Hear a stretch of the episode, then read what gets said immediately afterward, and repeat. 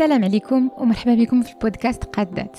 معكم أميمة وفي كل حلقة من قادات كنستقبل نساء في أعمار مختلفة وبتجارب واختصاصات متعدة. كيعاودوا لنا قصتهم باش تكون تجربتهم مصدر لأفكار جديدة لنا وإلهام قوي لتحقيق حتى حنا كل الطموحات ديالنا.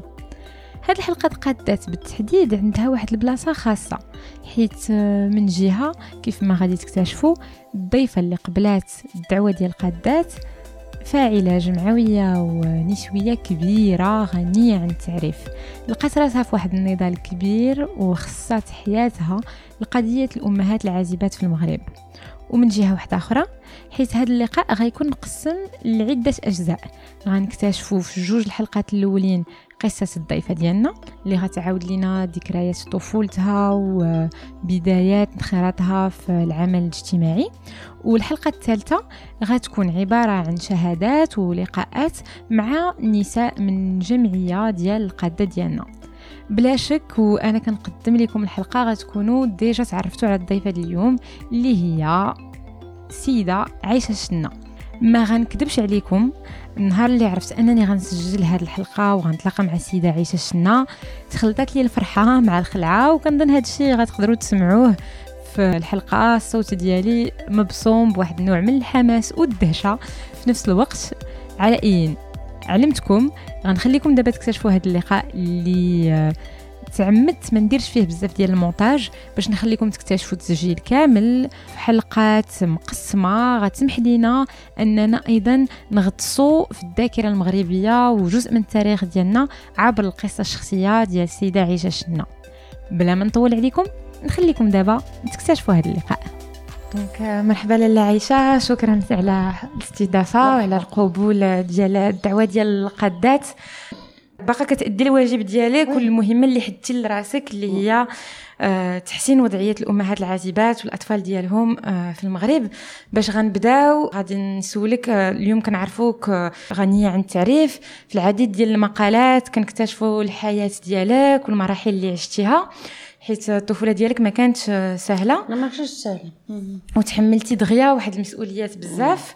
إلا رجعنا بزربة لهذه المرحلة آه آه بون آه سميت الشنا الشنا سميت راجلي ماشي سميت بويانا بويانا الحمامديه ولكن الشنا دابا الناس إلا قلتي حمامديه ما عرفونيش. ما يعرفوكش. ولا قلتي الشنا عرفوني. معروفة بالشنا. أنا أنا توفى لي با وأنا عندي يلاه ثلاث سنين ونص. وست شهور من بعد ماتت أختي صغر مني تبعاتو. أمي لقات راسها هجاله وهي الله عندها عشرين عام. وكانت كانت مرا زوينة في صفتها وسميتو. وديك الساعة عرفتي في خمسة ألف وتسعمية وخمسة وأربعين.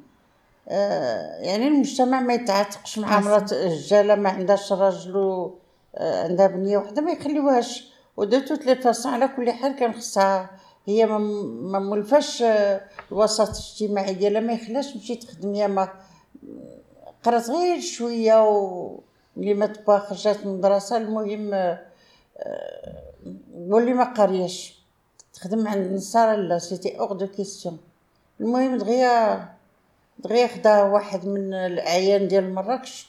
وهذاك كان أمين المواريث وعدول كان عدول. ولكن ملي ملي مات ملي مات با امي بدات كتخرج باش تدير المسائل الإدارية. با كان خدام في البلدية ديال مراكش وكان ديك الساعة السبيطار شكون اللي مقابلو؟ centre de santé les dispensaires رهيبات زعما إلا كنت مرات ولا هذا كتديني للسبيطار ديال الرباط وتما كانوا المساعدات الاجتماعيات. ce qui fait وأنا باقي صغيرة.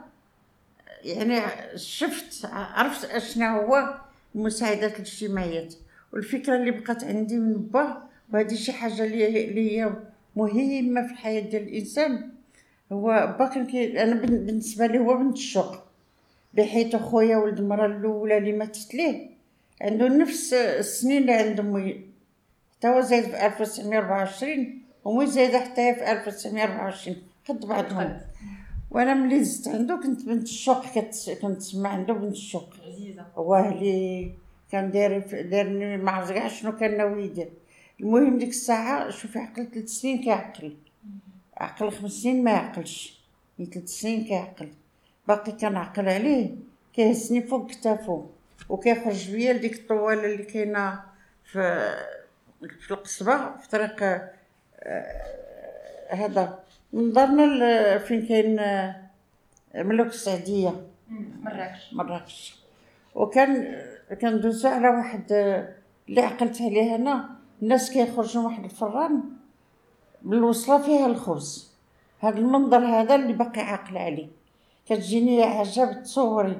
فوق كتاف با كنشوف الناس غاديين بالخبزة. يعني بحال إلا ربي كيبين ليا شنو غادي يكون المصير ديالي. المهم ملي. ملي توفى آه، غادي نشوف آه، غادي نعرف شنو الإدارة غادي غادي غادي نشوف أنا باقي صغيرة. ملي تزوجات أمي على كل حال آه، قبل كاع ما تزوج جات الوقيتة ديال دخلتني مدرسه ودخلتني مدرسه مغربية بحال ولاد المغاربة كاملين. أنا الوالد ديالي كان كيعرف الناس اللي كيتسماو ميسوريين اللي لاباس عليهم. هادوك الناس الميسوريين في ديك الوقت كيديروا بناتهم ولادهم في البعثه الفرنسية les écoles françaises جاو خرجوني من مدرسة مغربية فين قيدتني امي داروا فيا خير. لأن مدرسة مغربية كنت تصدمت ملي كنشوف الأستاذ العربية كيضرب يضرب تلاميذ بالقطيب. alors الأستاذة الفرنساوية وقيتها ديال la récréation كيجيو لنا ديك الساعة من بعد الحرب عرفتي؟ كلشي ما كاين والو. ce qui fait داك الخبز وال confiture اللي كانوا كيعطونا راه بحال كيعطونا ما نعرف شنو. فهمتي؟ إيوا donc كان عندي داك les deux images. هذاك بالعصا وهذيك الخبز وال confiture في راس بنية صغيرة ما يعني ما غاديش تمشي التفكير ديالها بعد من هكا. خرجوني من تمايا وداوني لمدرسه فرنسيه قال لي هادي بحالها بحال ولادنا. حنا ولادنا دايرينهم مدرسه فرنسيه حتى هي حنا تبنيناها. غادي نديروها في مدرسة فرنسية. وداوني لمدرسه فرنسية ما كنعرفش ب- بالفرنسي. المهم les enfants كان زعما كيتعلموا دغيا. إيه بالسلب donc هذا هو السبب باش دخلت المدرسة الفرنسيه وتبناوني. وعمرني ما نسى شوية. دابا راه في عمري دخلت في 80 عام. عمرني ما نسى أول ما تخيلت ليا على حساب هذوك الناس اللي كانوا اللي تبناوني. صابوا لي واحد يهودي في مراكش سميتو مسيو بيتون ان مونطو طاير صاب لي ان مونطو في ديك الوقت عرفتي من بعد دخلت المدرسة عندي ست سنين قولي غادي تكون سبعة وأربعين ولا ثمانية وأربعين بحال هكا شي حاجة اللي هي غريبة والكساوي ديالي ديك الساعة ما كانتش هادي باش يسمعوني الناس اللي إلا بغاو الناس إلا بغاو المجتمع يكون فيه الخير راه بحال هكا أنا ك- ديك الساعة ما كانش ال prêt-à-porter بحال اليوم. آه، الكسيوات مع الخير في ال magasins لا. كانوا الخياطات اللي كيخيطوا. أنا الكساوي ديالو كانوا كيخيطوهم اللي كيخيطوا لبناتهم كيخيطوا لي حتى أنا. عمرني ما آه، آه، واحد اللحليمه بنت مولاي الطهر راجلها كان كولونيل في مس- آه، مسيو باقا. كانت كتخيط لبنيتها الكسيوات أنا كتخيط لي الكسيوات ديالي مع بناتها هي وغيرها. زعما ما خلاونيش نحس إلا بغيتي تقولي بالفقر ولا باليتم et pourtant كان الفقر كان كان بزاف المهم مسكينه آه، ما عرفت كيفاش درت با- باش عاشت ديك الأيامات. كل ما كان عقل وأنها في الليل وأنا خوافة. بنيه باقي صغيرة. وكتقول لي سيري شري البيض من السويقة. وخصني نقطع نقطع واحد آه، كيتسمى الصابة. فهمتي؟ وديك الصبا كانت واحد المرأة جارتنا دايرة واحد البنايه وكتشعل كامل الليل الليل الشمعة كتقول لك هذيك الزاويه ديال سيدي بن عيسى. donc بالنسبة لي أنا فيها الجنون هو نق- نقطع ديك البلاصة. كنت كنخاف الموت ديال الخوف. ولكن خصني نبين المهم بلي ما كنخافش. غادي نمشيو غادي نمشي حتى السويقه ونشري البيض و tu vois يعني كنقول لك المستوى اللي كان عندها مسكينة. bon كتعيش بلي عندها. آه المهم جات مع دخلتني دخلوني هذوك المدرسة الفرنسية. جا الراجل اللي غادي ياخدها بالأعيان ديال مراكش وكان كان قريب من القلاوي الباشا القلاوي المهم آه، هادوك اللي تبناوني حضروا في العقد ديال الملك يشرطوا عليه بأن هاد البنية هادي راه هي تحت المسؤوليه ديالك وإلا حسينا بك بلي وقع فيها شي حاجة وشي حاجة راه غادي نجيبوك لل tribunal شرطوها عليه في ال tribunal عاد باش داروا العقد. فاش فهمتي؟ ديك الساعة كانوا باقي كان باقي الفرنساويين باقي. اسم هذا. المهم هذاك الراجل كان مزيان معايا الحق هو هذا. كان طيب معاه هو عنده ولاد أخرين. ولكن مع معايا أنا ما ما ما عمرني حسيت حسيت بالخير إلا قلت يعطيني الفلوس يعطيني. عنده ما عندوش يعطيني. عمره ما يقول لي ما عندي شيء. وخلي كان غادي يعطيه ليا. غادي يجي العيد غادي يقول لي هاك باش نمشي أنا نشري حوايج العيد. ولكن ما تخرج لا. مي حاجبه ما تخرجش. هكا كانوا العيالات في ديك الوقيته. علاش كنجبد هاد الهضره؟ لأن خص الناس يعرفوا كيفاش المراه تحرات من الحجبه. اليوم راه حنا كنخرجوا كان الا بغينا نلبسو الرومي كنلبسو الرومي بغينا نخرجو راسنا عريان كنخرجو راسنا عريان ديك الساعة باش تخرج إلا بغات تمشي للحمام حتى تشاور معاه. وكيقدر يشد العكس يقول الحمام ما غاديش تمشي لي في النهار. مع الناس غنكري لكم الحمام في الليل. عنده مرة أخرى ولاد أخرين قرب لبعضهم نكري الحمام في الليل كلشي يمشي ليه. في الليل حمام حمام الليل سي ان ايفينمون الحمام ديك الساعة باش كيمشيو ليه في الليل. رايات وجا ديال القهوايا يوجدوا التعرج ما ياكلوا بعدا القريشلات آه سمان تيوا غريبة يعصروا يعصروا الليمون ملي يخرجوا من الحماس الحمام الشي هذا. يعني كانت بحال العيد وصافي بحال بالنسبة للمراكشيين ديك الساعة كانت شي حاجة كبيرة. إيه إيه وك وك ملي كيخرجوا الحمام شي كيعيط على شي صحاب بحال دابا آه، لوستها عمتها جارتها حبيبتها. راه غادي نكريو الحمام في الليل d'accord كيدخلوا الرجال مال الاولين كيغسلوا وكيخرجوا ويجلسوا يتسناو عند العيالات هذا وملي كي تعرش كيف قلتي تعرش الدخل بعدا في الحمام غادي يديروا حفله غير بالسطوله يديروا الحس ويغنيو الزغاريت يعني عرسوا خلاص هذا حمام عادي. حيت كيخرج من العادة ما كانوش مولفين يمشيو للحمام بلا هذاك الاذن اي لينا كانت بالنسبة لهم خرجة و... وغادي يتنقاو غادي فهمتي؟ يفوجوا. يفوجوا فوالا. أنا فيرمالمون سيكلاتي سي سكي فوزي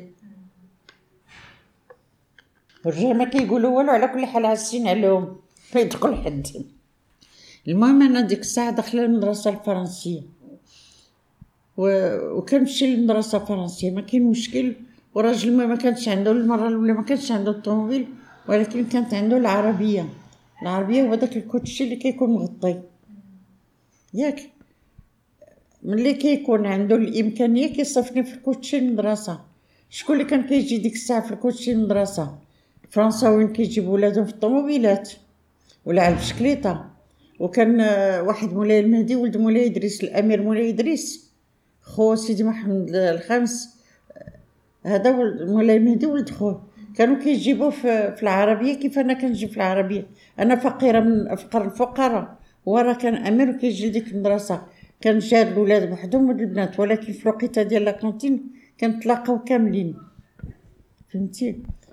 آه، هذه بالنسبة للعقول ديالي. في المدرسة الفرنسية هنا غادي نتعلم من الصغر عرفت أنا المدارس الفرنسيه راه تبدلات ما بقاش كيف كان. من الصغر غادي يربيونا على ال على l'environnement على البيئة.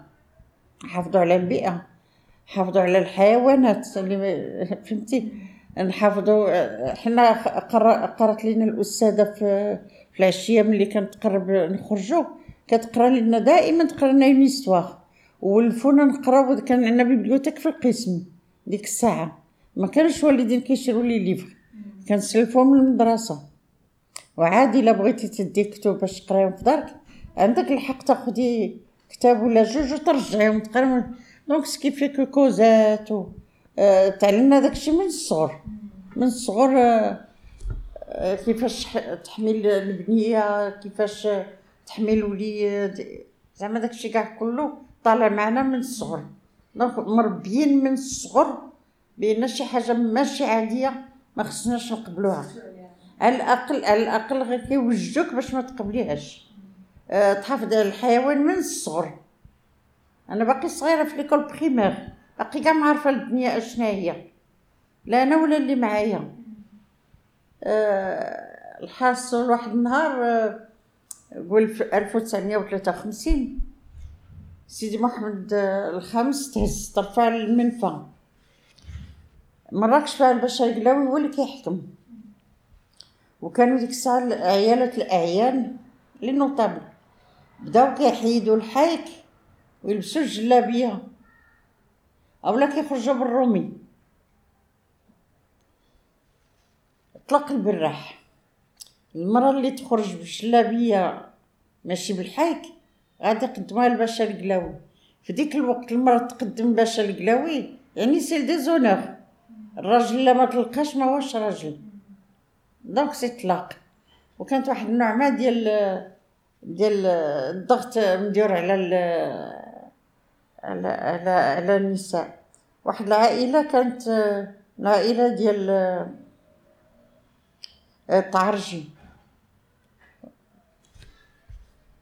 داروا العرس. كان فارماسيا ولد الطعرجي فارماسيا وتزوج ودار عرس بكسور مية لمرتو نفاهم القلاوي. نفاهم. نفاهم. ما كملوش العرس ديالهم. مشاو في حالاتهم لاكادير تما فين هذا؟ شحال من خطره كنبقى نضحك مع مع هند. سميتها هند؟ ما قلبت لها السمية ديالها. كنضحك معاها كنقول لها أنت واش بنت المنفى ولا شنو؟ كنبقاو نضحكو هكذا. المهم بسم الله الرحمن الرحيم. مشى ليا ال prénom ديالها؟ هي بنتهم آه؟ بنت هاد السيد بنت هاد الطارجي هذا. ماشي هند لا. دابا ترجع لي السمية. les journalistes و écrivains c'est une grande famille المهم ما خلاهمش يكملوا العرس ديالهم حيت لبسوا الرومي. كان مراقبتهم ما نفعهم غير رجليهم هربوا. هربوهم لاكادير آه، ديك الساعة العيالات بداو اللي كلهم اللي كيخافوا ما بقاوش يخرجوا بالرومي ما بقاوش يخرجوا بالجلابية. ولكن المرأة المغربية اكتشفت بأن الجلابية راه براتيك يديها مطلقين الكمام ديالها عندها الكمام بحال لابسه كسوه ماشي بحال الحيك الحيك خصها تشدو الا إلا ما شداتوش يطيح لها إلى اخره إلى اخره هو زوين في المنظر ولكن ماشي بخاتيك بالنسبة اللي بغات هنا القلاوي قال لهم المراه اللي خرجت بجلابية ماشي بالحيك جيبوها لي لدار الباشا. هذيك الساعة الراجل ما عليه غير يطلق. يعني يضحكوا عليه إلا ما طلقش مرتو ماشي راجل. وصلوا لهاد الدرجة هادي. ديك الساعة أنا عندي 12 عام. باقي كنا في l'école primaire راجل مي قال لها عيشة دير اللثام أنا ما نقدش نلبس ندير ال voile ما نقدش عليه الحاج. ولكن exceptionnellement دار لي الجلابية. ولكن باللثام 12 عام لبست التام. اليوم نقدر نقول لك بأن هادو اللي كيكونوا آه متدينين بزاف. آه يعني حابسين المرأة ما تسلمش على الراجل ما إنما اكتشف ديك الساعة. اليوم كنفهم علاش كان علاش ما كيبغيوش المرأة تسلم على الراجل لأن في السلام كاينة واحد الحركة.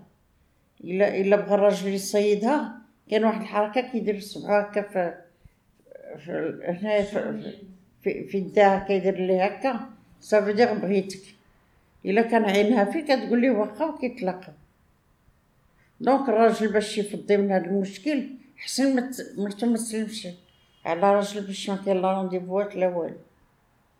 زعما كنقدر نفهم هادوك اللي متشددين.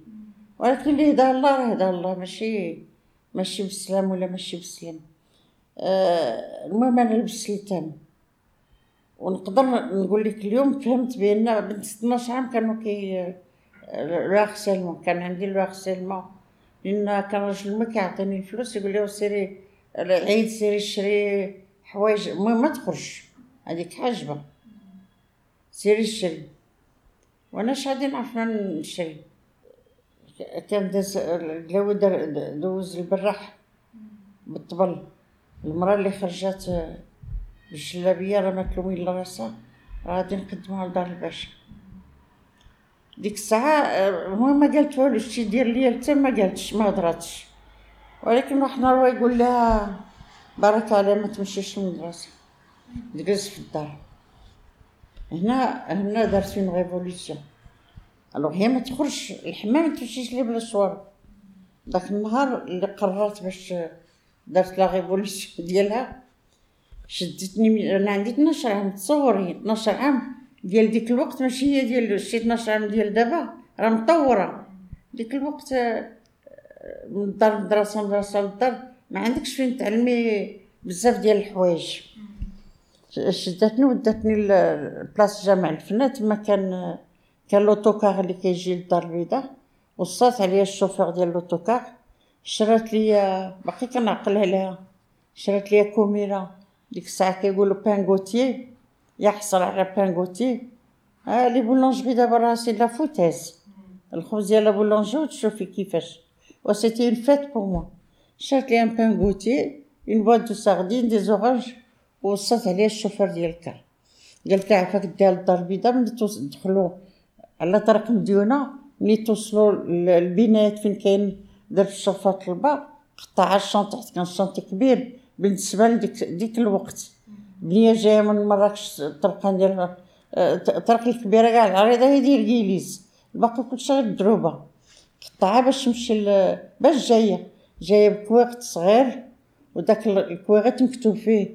درب درب الطلبة ماشي حيت كاين درب الشرفات الطلبة ولكن في البناية معزولين. هذا درب الطلبة هذا درب الشرفة.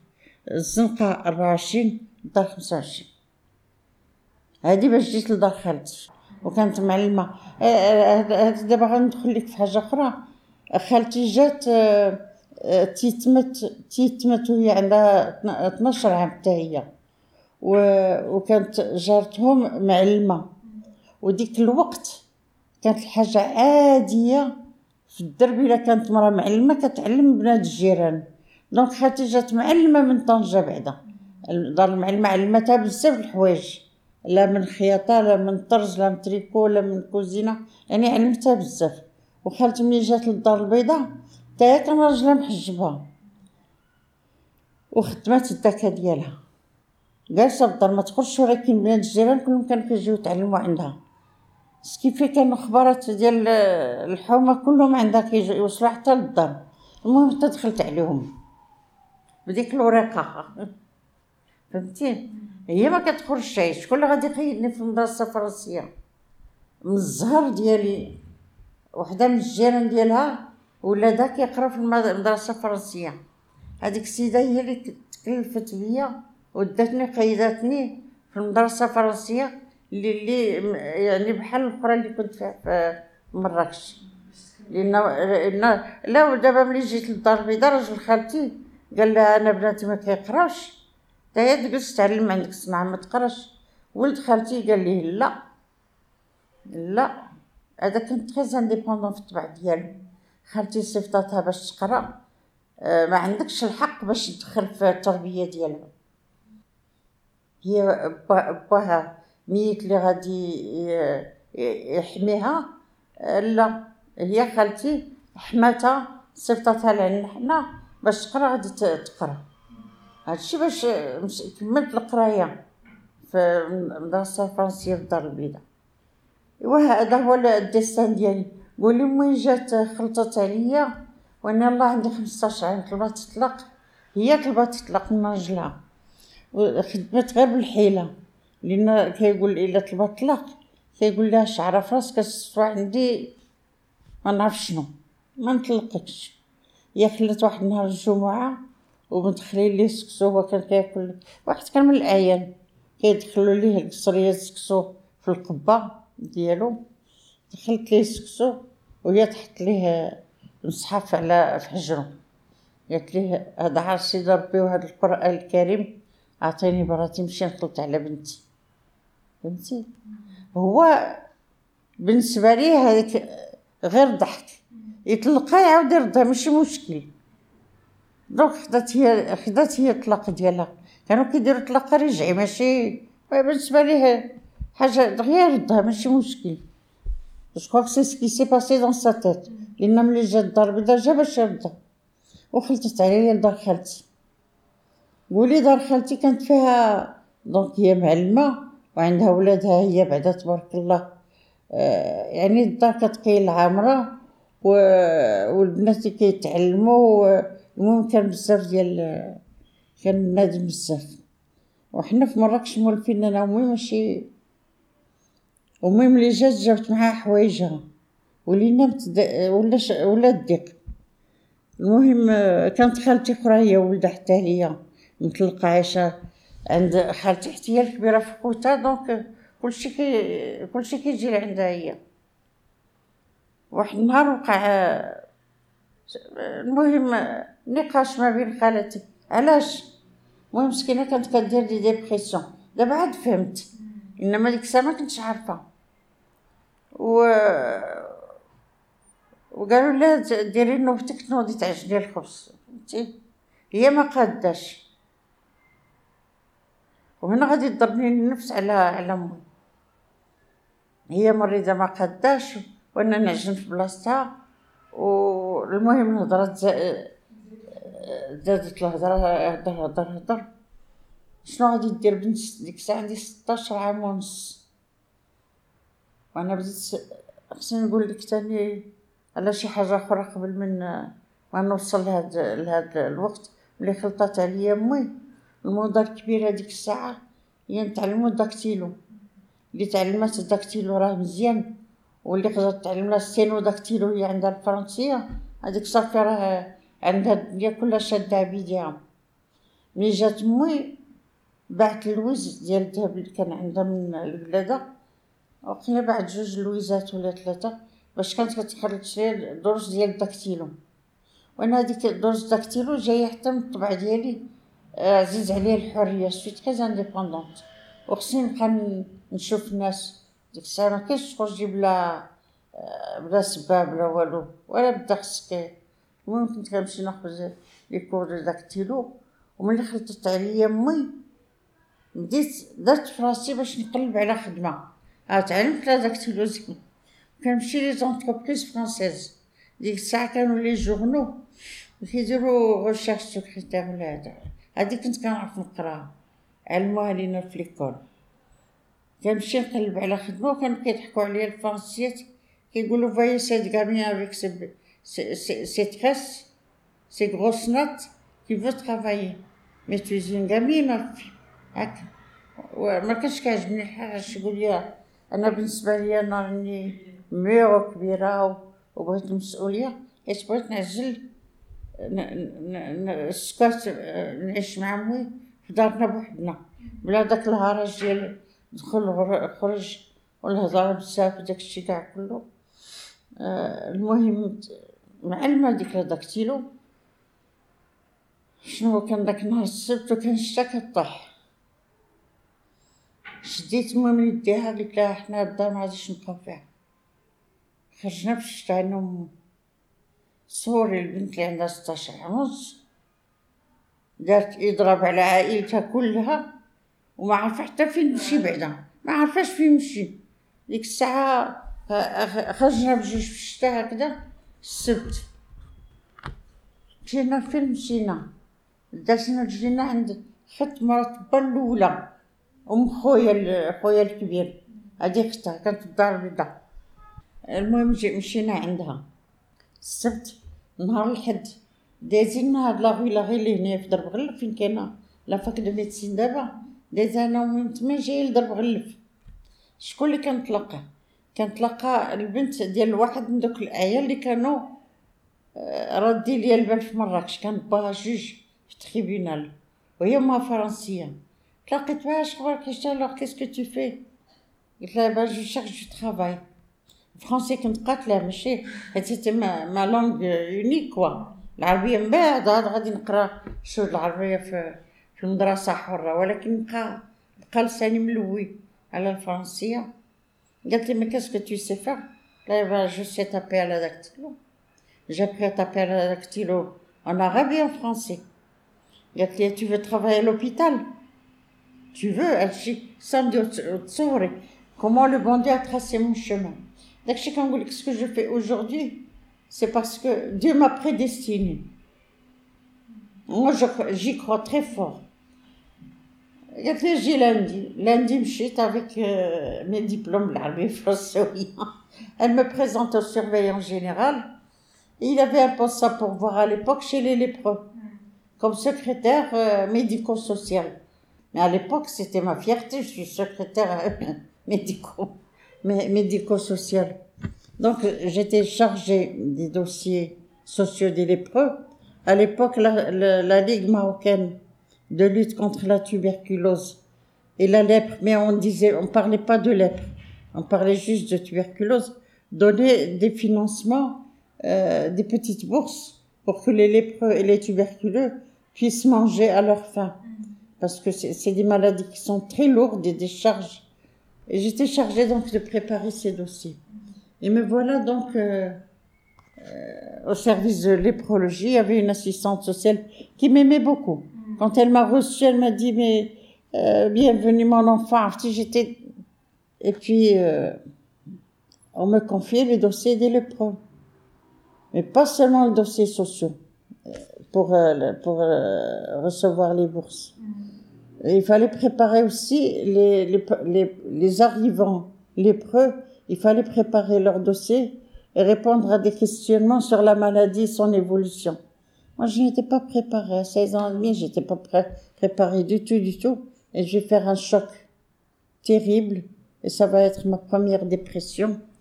Et je commençais à me sauver de, euh, du bureau euh, à chaque fois que je pouvais foutre le camp, même pour m'enfermer dans les toilettes. Mais, mais je foutais le camp. يعني كانت غير صدفة أنهم اقترحوا عليك أنك تخدمي في سبيطار وأول خدمة ديالك غادي. تكلفي بكاع الدوسيات J'avais besoin d'argent. إحنا خارجين. Notre appartement, il fallait de l'argent. Hors de question pour que ma mère travaille dans les ménages.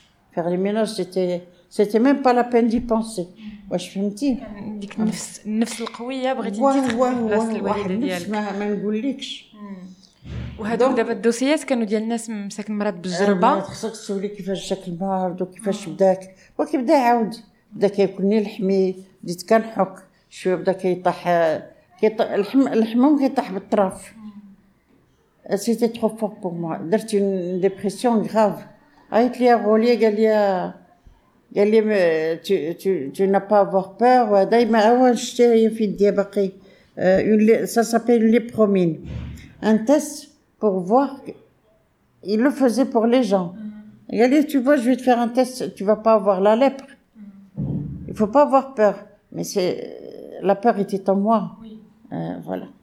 Euh, un jour, il m'appelle, il m'a dit, désolé, mais je peux pas te garder. Moi, j'ai besoin de quelqu'un pour, euh, pour travailler les dossiers, etc. Je vais te renvoyer. C'est une tuile qui me tombe sur la tête.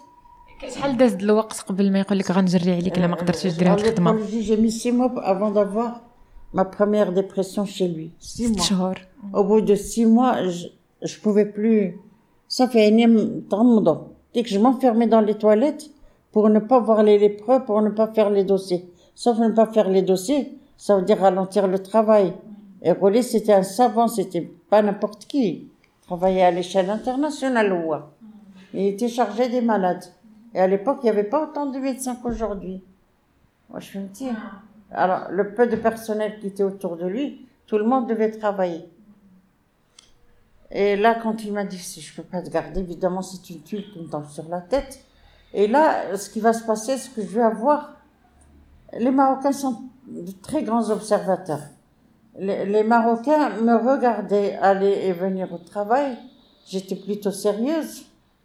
Euh, j'avais la sympathie des gens. Et là, il va y avoir un, un réseau de soutien pour que Aïcha ne, ne soit pas renvoyée, sont allés voir justement M. Blabbas, qui était à l'époque euh, docteur Youssef Blabbas.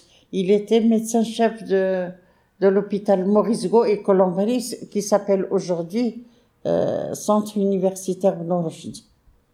C'est le même bâtiment, mais ça a changé de et évidemment ça a évolué. Et ils lui ont dit il est hors de question que cette gamine soit renvoyée. On va pas la renvoyer dans la rue. Qu'est-ce qu'elle va faire? Euh, elle a un loyer, elle a sa mère, elle a ses soutiens de petit. Mm. Et c'est comme ça que j'ai été sauvée sous la peste m'a envoyé chez le grand patron qui est autre que le docteur Mohamed Lahlo, le premier physiologue marocain qui a créé la Ligue marocaine de lutte contre la tuberculose. Je vais travailler chez lui, en Nouvelle-Médina. D'ailleurs, le, centre de santé des Crêtes est mitoyen à l'hôpital Bouafé actuellement. À l'époque, c'était des terrains vagues. Il n'y avait pas de construction ni rien du tout. Et c'était juste à deux pas de chez moi. J'avais dix minutes de marche à pied pour arriver à mon boulot et c'était le bonheur. Alors là, c'est la gamine l'écolière qui, dans sa tête, qui va travailler avec passion ses dossiers. Et euh, la, la, la constitution de la première association marocaine en dehors de la Ligue euh, antituberculeuse, c'est la Ligue marocaine de protection de l'enfance qui avait besoin de volontaires. On nous appelait les volontaires à l'époque pour faire l'éducation sanitaire. Et je vais m'inscrire tout de suite. On le faisait gratuitement, évidemment. C'est un travail de citoyenneté. Et je vais le faire. Je vais le faire avec passion. J'étais observée. Moi, je savais pas que j'étais observée. L'assistante sociale, euh, le médecin-chef, euh, euh, toute cette équipe de professionnels euh, m'observait. Et cette passion que j'avais quand je parlais aux femmes pour l'éducation sanitaire, etc. Et à l'époque, les femmes résistaient. Sais, une, une jeune fille qui vient leur parler de, de la mouche, par exemple, m'a, les mouches, elles sont habituées à voir les mouches.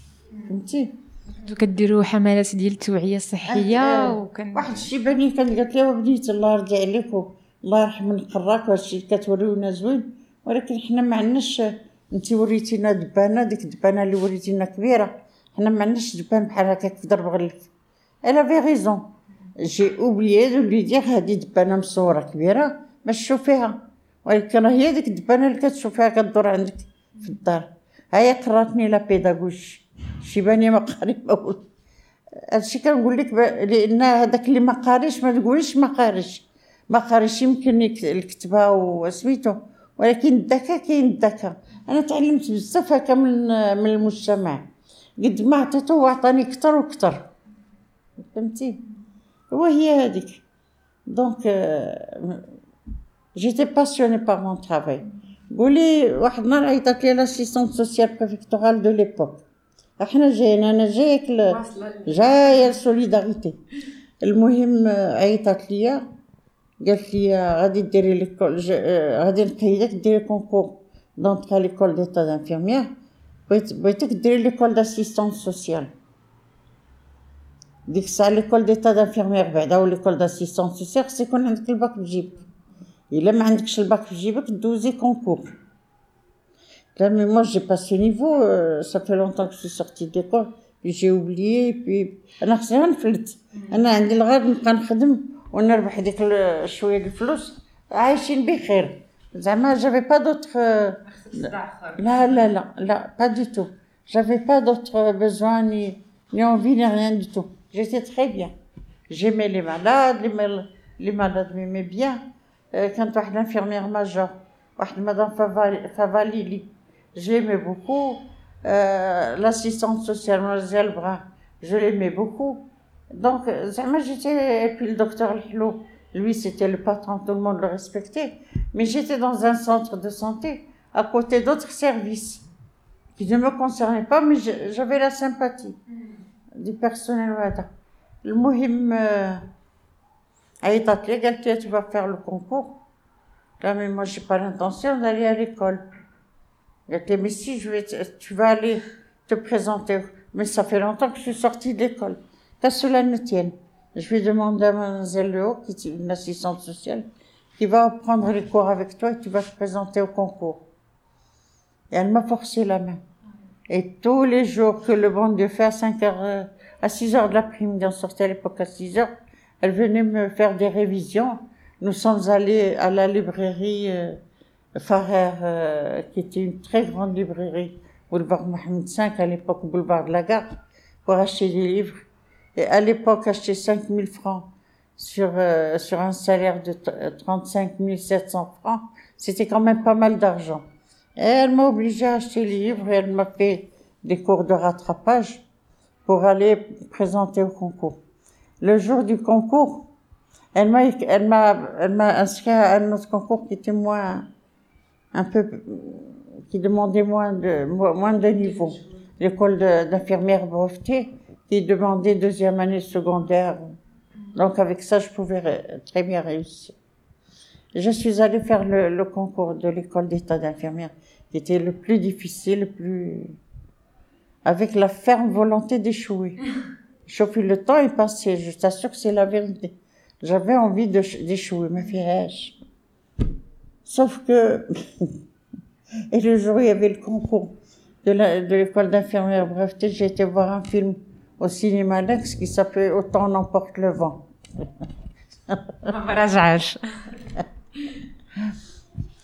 Et un jour, l'assistante la, sociale me convoque dans son bureau, elle me dit, tu as réussi. Là, c'est une tuile euh, qui m'est tombée sur la tête. J'ai rien fait pour réussir, franchement. Ah, regardez, tu as réussi, alors tu vas faire l'école d'État. Eh, mais je peux pas, moi. J'ai un loyer à payer, j'ai ma mère à ma charge.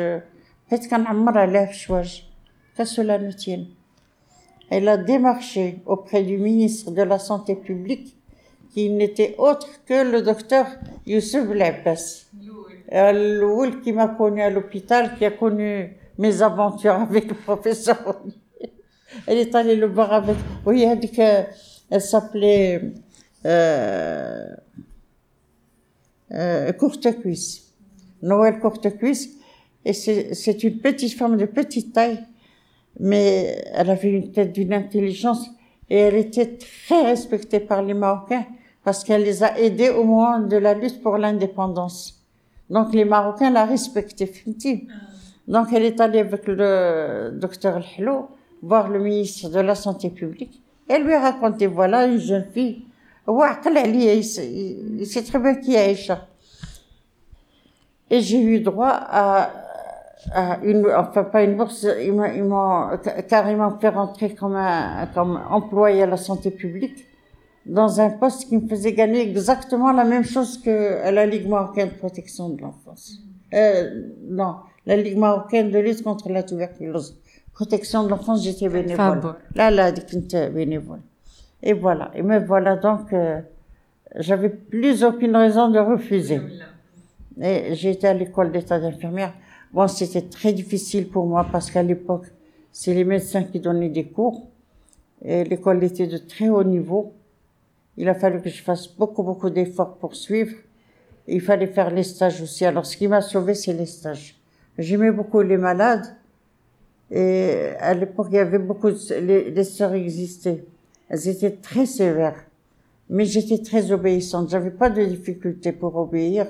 Mais euh, s'occuper des malades à l'époque, ce n'est pas comme aujourd'hui. Il fallait faire le bain de lit, il fallait laver les ceux qui pouvaient aller à la salle de bain les laver, homme ou femme, quel que soit. Je me dis, euh, ça a été la grande école, l'école de la vie pour moi. Et là, j'ai appris beaucoup, beaucoup, beaucoup de choses.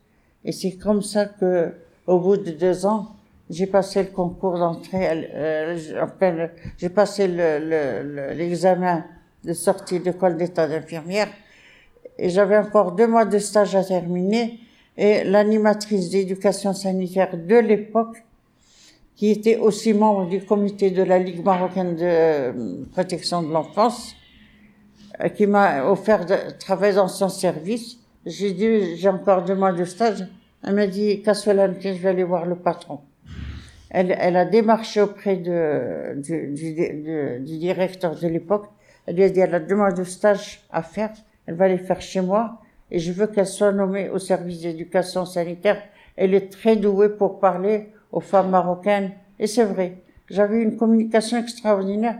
Les gens m'aimaient beaucoup, je sais pas pourquoi, mais ils m'aimaient beaucoup. Hommes et femmes. hein. Et me voilà donc bombardée euh, après l'école d'état d'infirmière. L'hôpital déjà m'a appris beaucoup de choses. J'ai appris ce que c'est que la vie. À l'hôpital, j'ai appris ce que c'est que la vie. Ce que c'est que, que l'enfant, ce que c'est que euh, le, le, le, le, kwashiorkor. J'ai appris beaucoup de choses. Tu t'imagines, un pays comme le Maroc euh, qui a le kwashiorkor, c'est parce que les femmes ne savaient tout simplement pas. Elles sont venues de la campagne à la ville. Il y avait plus le savoir-faire de, de la campagne. Elles, ont, elles, nourrissaient les bébés avec le, le pain et le thé. Il fallait l'hygiène des mains, il fallait, enfin, beaucoup de choses, quoi. Et voilà, me voilà donc bombardé au service d'éducation sanitaire. Alors, à partir du service d'éducation sanitaire, ça va être la grande école, parce que, à l'époque, il fallait travailler avec le ministère Jeunesse et Sport, le ministère de l'Éducation nationale, il fallait travailler avec euh, le, le, le, le- euh, avec, je veux dire, avec toutes sortes de populations pour l'éducation sanitaire. Et là, j'ai appris beaucoup de choses. Autant j'apprenais aux, aux gens, autant les, les gens m'apprenaient. يعني هاد التجارب كاملين كانوا Euh, كيحضروك là, وكيوجدوك j'ai pas ça, nazo. Moi, je suis une fille très... ouais, euh, C'est vrai que ma mère était chef de famille, c'était elle le chef de famille. moi, je rapportais de l'argent, mais... euh, faut Elle qui gérait. Mhm. J'avais besoin de sortir. Fréquenter les jeunes filles et garçons, pour moi, euh, j'ai grandi avec à l'école française. Les filles et garçons étaient dans la même école, et pas de problème, quoi. Euh, sauf qu'il fallait trouver sortir pour quoi faire. Et là, j'étais au centre culturel français, qui n'était pas très loin euh, de, de, de là où je travaillais. D'ailleurs, boulevard 9 avril, il y a le centre culturel français juste à côté. Et à l'é- à l'époque, il y avait une association marocaine euh, de jeunes Marocains, une association culturelle. Et je vais m'inscrire avec eux. Et me voilà lancée dans la, dans la vie. Quand j'étais au centre de santé, je voyais les femmes qui faisaient des enfants très rapprochés les uns des autres. Je voyais des familles entières qui habitaient une petite, une petite pièce avec euh, Mahjiren. J'ai vu la misère humaine, mais je ne savais pas lui donner le nom, sauf que j'étais choquée. Et un jour, les jeunes ont cherché un thème parce que chaque mois, il fallait faire une conférence avec un thème différent. Et on était en train de chercher. Et le, euh, en fin de compte, euh, je n'invente rien, mais je suis une copieuse. Euh, mon chef de service avait un livre qui s'appelait Planification familiale. Elle avait une bibliothèque dans son bureau. Et moi, je voulais savoir ce que c'est que la planification familiale. Nous, on ne l'a pas appris à l'école. C'était pas, c'était pas le sujet du jour. Et j'ai dit aux jeunes, ici, on faisait un thème euh, sur la planification familiale. Moi, au dispensaire, je vois des femmes qui font, au bout d'un, euh, au bout de, de trois ans, elle a déjà deux enfants. Neuf mois, plus 40 jours de repos, et elle recommence une autre grossesse, et ainsi de suite. Ce qu'on appelait oulad réel. Les gens ont dit oui, euh, ça serait Ada, alors comment on va faire Euh, Comme sur le plan médical, moi, je, je sais qui, qui, sur qui on peut compter. À l'époque, il y avait le docteur Sijil Massi, qui était pédiatre. Moi, je peux voir le, Ada, le côté religieux, je connais le Freshati. tu vois, j'avais fait mes, mes, mes, mon réseau de connaissances. Au moins, ils ont cherché, et oui, côté social. Euh, il y avait Madame Bouzida, et au moins, ils ont cherché le côté économique. J'avais un économiste Norbat. Donc, on a fait la planification familiale sur le plan social, économique, santé, religion. Fahmti Et euh, dans cette association, il y avait les, les, les, les fils et les filles de grandes familles, la haute bourgeoisie. Et un jour, euh, ils ont demandé à être reçus par le premier ministre de l'époque, c'est Ahmed Bahnini, Allah. Et euh, imagine-toi, d'où je viens, et je me retrouve dans le bureau du Premier ministre. il nous reçoit très gentil, euh, très, vraiment très, très à l'aise, quoi. Il nous a mis à l'aise. Et puis je lui dis, monsieur le, monsieur le ministre, pardon, monsieur le ministre, on a l'intention de faire une table ronde sur la planification familiale. Il se tourne d'un air très intéressé et interrogateur. Il me dit, mais euh, avec euh, admiratif aussi. Mais c'est très bien mon enfant, Hakan. Ça reste dans mon esprit. Mais c'est très bien mon enfant. C'est bien si c'est vous les jeunes qui en parlez les premiers. Ça sera mieux accepté. Si c'est nous qui en parlons les premiers, on va voir l'opposition. Moi, je ne savais même pas ce que c'était que l'opposition. N'ayant pas d'éducation politique politicienne, je n'ai jamais entendu ça autour de moi.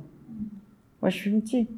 Et il, il, nous a dit, il faut faire venir la presse, il faut que ça soit vraiment très, très... Euh, vous faites bouger les choses à Casablanca, etc., etc. Je me dis. Et ça, ça a été euh, quelque chose d'exceptionnel. 1965. 1966, le planning familial va rentrer officiellement au Maroc. Et c'est le roi Hassan d'Allah qui va dire OK pour la planification familiale. Et évidemment, il y avait l'opposition qui s'est tout de suite opposée, mais je comprenais pas. On nous demandait de faire l'éducation sanitaire pour la planification familiale sur le plan de santé et social, pas plus. Surtout pas économie. Il fallait pas parler économie du tout, du tout. Du tout. C'était interdit. On parle de la santé de la mère, de l'enfant ou sa fille. Et, et, là, je vais quand même apprendre beaucoup de choses. Et je vais me rendre compte que c'est pas suffisant. Il y avait des problèmes économiques aussi. J'ai vu comment habitaient les gens. Je vais là, euh, j'arrive de Marrakech à l'âge de 12 ans, je suis chez ma tante. On était dans la famille je n'ai pas accepté d'être euh, mélangée à tout le monde. Il me fallait tout de suite une maison pour, rien pour moi et pour ma mère. C'est dans mon caractère. Et là, j'ai compris beaucoup de choses. J'ai appris beaucoup de choses. La vie m'a appris plein de choses. Et nous voilà lancés dans le planning familial. Et là, je vais découvrir beaucoup de détresse. Et un jour, en faisant un cours de planification familiale, une fille va me, va me dire, euh, je veux te, je veux te poser une question, mais c'est de moi à toi. Il n'y a pas de problème. Cette fille, était régulièrement violée par son père. Et je vais apprendre pour la première fois de ma vie que le viol existe aussi entre père et fille. Je lui ai demandé de venir me voir dans mon bureau à l'époque. Euh, j'avais pris le poste d'assistante sociale. Elle est jamais venue me voir, la pauvre. Donc, apprendre plein de choses. Et puis, petit à petit, déjà euh, au service social, euh, pendant les stages, j'entendais les médecins dire on nous a amené un enfant avec euh, le coiffeur corps, il est, il est tout abîmé. On va le réparer, d'abord le terme. Il va être réparé par nous, les médecins. On va le renvoyer, il va retomber dans l'enfer. Il va retomber encore dans point zéro. Mais je comprenais pas ce qu'il voulait dire. En fait, les enfants abandonnés, quand j'étais à la Ligue marocaine de protection de l'enfance, moi j'ai vu les bébés qui passaient la nuit dans une maison d'enfants. Mais je comprenais pas pourquoi je, je posais même pas de questions de toutes les façons. Sauf que après, quand je vais circuler dans la vie de tous les jours, je vais voir plein plein plein de choses. كان هذا الجزء الأول من الحلقة مع السيدة عيشة الشنا اللي عودت لنا قصة طفولتها واللي اكتشفنا عبر علاقتها مع الأم ديالها تشبتها ومن هي صغيرة بقيمة الاستقلالية. بعد ما سمعنا كيفاش كان التسلسل ديال المشوار ديالها المهني من الخدمة في السبيطار للعمل على شؤون متعلقة بالصحة العامة والمساعدة الاجتماعية الحلقة الجاية غنكتشفوا قصة بداية وتطور الجمعية ديال Solidarité Féminine أو جمعية التضامن النسوي. غنكتشفوا أيضا الكتب اللي صدرت السيدة عيشة الشنا حول التجارب القوية اللي شافت واللي عاشت. وأيضا القصص وراء الدعم اللي حظات به وحتى التهديدات اللي تلقات. فما تردوش تكتشفوا الجزء الثاني ديال هذا اللقاء على محطة الاستماع ديالكم وما تنساوش إلا كيعجبكم المحتوى اللي كندجو مع قادات فخليو لينا تعليقات ديالكم وساندونا على مواقع الاتصال الاجتماعي لأن بمشاركتكم هاد les commentaires وفاش كتصيفطوا البودكاست للناس اللي عزاز عليكم هذا الشيء اللي كيقدر يعاوننا واللي كيخلينا نكملوا فشكرا لكم السند ديالكم والاستماع ديالكم ونتلاقاو في الجزء الثاني ديال هذه الحلقة. بسلامة!